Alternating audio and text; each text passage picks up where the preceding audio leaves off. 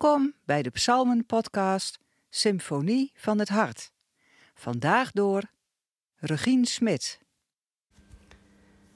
Psalm 141 lees ik in zijn geheel. Een psalm van David. Heer, u roep ik aan, snel mij te hulp. Luister naar mij nu ik tot u roep.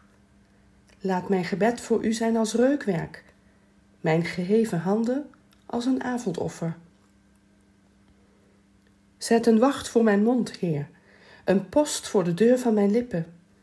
Houd mijn hart ver van het kwaad, verleid het niet tot goddeloze daden met hen die onrecht bedrijven. Laat mij niet eten van hun lekkernijen. Zou een rechtvaardige mij slaan? Het was mij een weldaad. Zou hij mij straffen? Het was balsem op mijn hoofd. Zou ik lijden onder de kwaden, dan nog bleef ik bidden. En werden hun leiders van de rotsen geworpen, van mij hoorden ze woorden van deernis. Verspreid als de aarde, geploegd en omgewoeld, ligt ons gebeente bij de muil van het dodenrijk. Maar Heer, mijn God, naar U zijn mijn ogen gericht. Bij U schuil ik. Giet mijn leven niet weg als water. Behoed mij voor de strik die zij hebben gespannen, voor de valkuil van hen die onrecht doen. Laat de goddelozen in hun eigen netten raken en mij alleen ontkomen.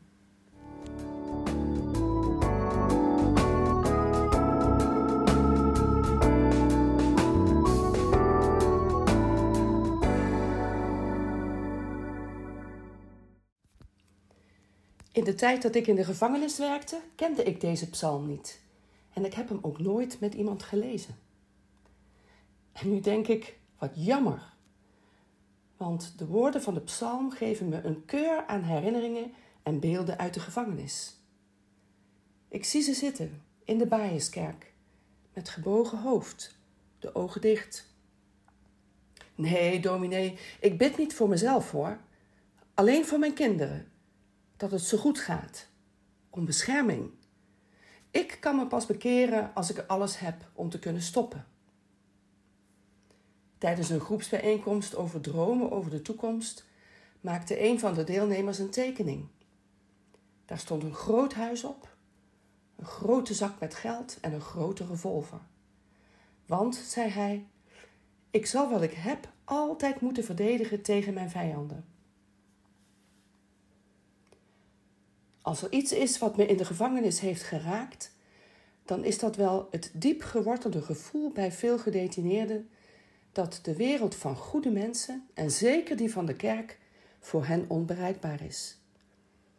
Dat ze nooit op het punt kunnen komen om ongestraft een ander leven te beginnen. Dat de wetten, de loyaliteit en de groepstrang van de wereld waar ze in zitten hen voor altijd zullen vasthouden of op zijn minst achtervolgen, tot in de dood. En dat is ook de nood van de psalmdichter in deze psalm. Hij is verdwaald geraakt in een wereld, een gezelschap dat niet goed is. Het dreigt hem te beïnvloeden, hem te brengen tot een levenshouding en gedrag dat even aantrekkelijk leek en veel kortdurend genoegen bracht, maar hij beseft dat hij moreel en geestelijk in verval te raken. Dat hij op een dood spoor zit dat alleen maar de afgrond inleidt, de Sheol. Hij wil eruit, maar kan dat nog? Hij richt zich tot Yahweh. De herinnering aan vroeger, toen het nog goed was, toen hij nog naar de tempel ging en zag hoe de priester de dagelijkse offer bracht aan Yahweh, als een gebed voor het volk dat laat hem diep voelen hoe ver hij nu van Yahweh verwijderd is. Maar hij hoopt dat zijn gebed, hoe ver weg hij nu ook is afgedwaald, net als dat priestelijke offer door God zal worden aanvaard. Hij bidt allereerst om innerlijke correctie door God zelf. Dat zijn mond gezuiverd wordt van de taal die hoort bij dat verkeerde leven dat zijn hart wordt losgemaakt van alle verleidingen waaraan het dreigt te gaan kleven. Maar de psalmist hoopt daarnaast ook op een andere kring. Een kring van goede mensen, die hem zullen begeleiden naar de goede weg. Want alleen lukt het niet. Maar hij is bang. Bang voor de wraak, voor de netten van hen waaraan hij wil ontsnappen. En daarom richt hij zich tot God. Alleen met Gods hulp kan hij, durft hij misschien. Ach, wat had ik dit gebed graag met velen in de gevangenis gebeden. Al is het alleen maar om hun eenzame hart een metgezel te geven. De woorden van iemand in hetzelfde schuitje te laten horen, maar die het wel aandurfde om zichzelf mee te nemen in zijn beroep op de Allerhoogste. Ondanks de schaamte, de afstand, de dwaalweg. Maar de baaiers is niet de enige plek waar deze psalm een balsem voor de ziel kan zijn.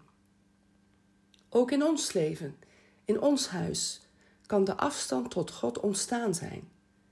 Door de kringen waarin we ons begeven, het gedachtegoed dat zo aantrekkelijk leek, de taal die we zomaar overnamen, de dingen die we meededen.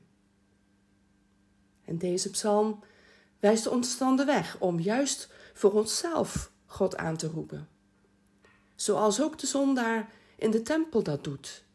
En de apostel Paulus, die beseft dat juist de erkenning van het eigen falen, de eigen onmacht om het goede te doen en dat naar God uit te roepen, reeds het begin is van een nieuw leven in Christus onder Gods genade.